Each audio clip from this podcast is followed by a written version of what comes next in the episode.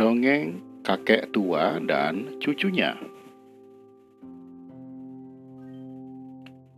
Dahulu, ada seorang kakek yang sangat tua yang matanya telah menjadi rabun, pendengarannya hampir tuli, lututnya gemetaran, dan ketika dia duduk di meja untuk makan, dia hampir tidak bisa memegang sendok sehingga sering menumpahkan kaldu dari sendoknya ke atas taplak meja.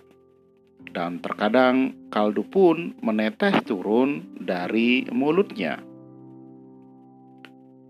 Anaknya dan istri anaknya menjadi muak dengan keadaan ini, sehingga mereka mendudukkan sang kakek tua di sudut dekat dapur sendirian dan mereka memberinya makanan dalam sebuah mangkuk gerabah.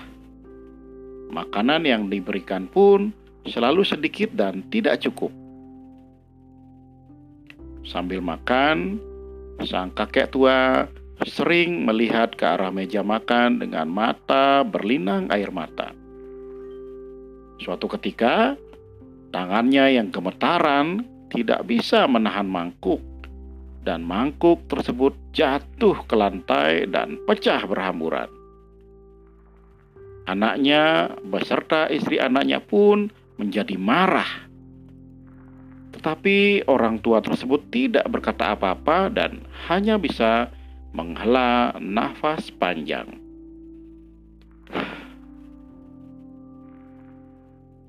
Kemudian anaknya dan istri anaknya membelikan sebuah mangkuk kayu yang murah untuk sang kakek tua agar mangkuk kayu tersebut tidak pecah saat jatuh.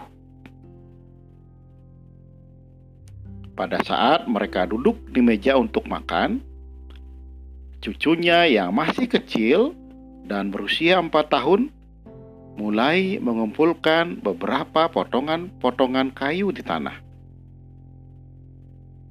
Apa yang kamu lakukan di sana, anakku? Tanya sang ayah. Saya akan membuat mangkuk kayu yang kecil. Jawab si anak kecil. Untuk ayah dan ibu, untuk nantinya kalian pakai saat makan ketika saya telah dewasa nanti. Laki-laki dan istrinya saling berpandangan selama beberapa saat, dan akhirnya mereka pun menangis karena tersadar dan menyesali perlakuan buruk mereka. Kemudian, mereka mengajak sang kakek tua ke meja makan.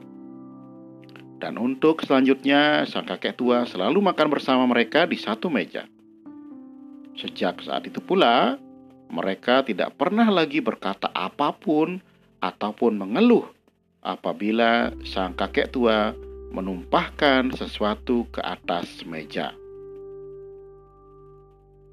Jadi, pembelajaran yang dapat kita teladani dari dongeng kakek tua dan cucunya ini adalah hormatilah orang tuamu bagaimanapun keadaannya, saat muda dan tak berdaya, orang tualah yang menjaga kita.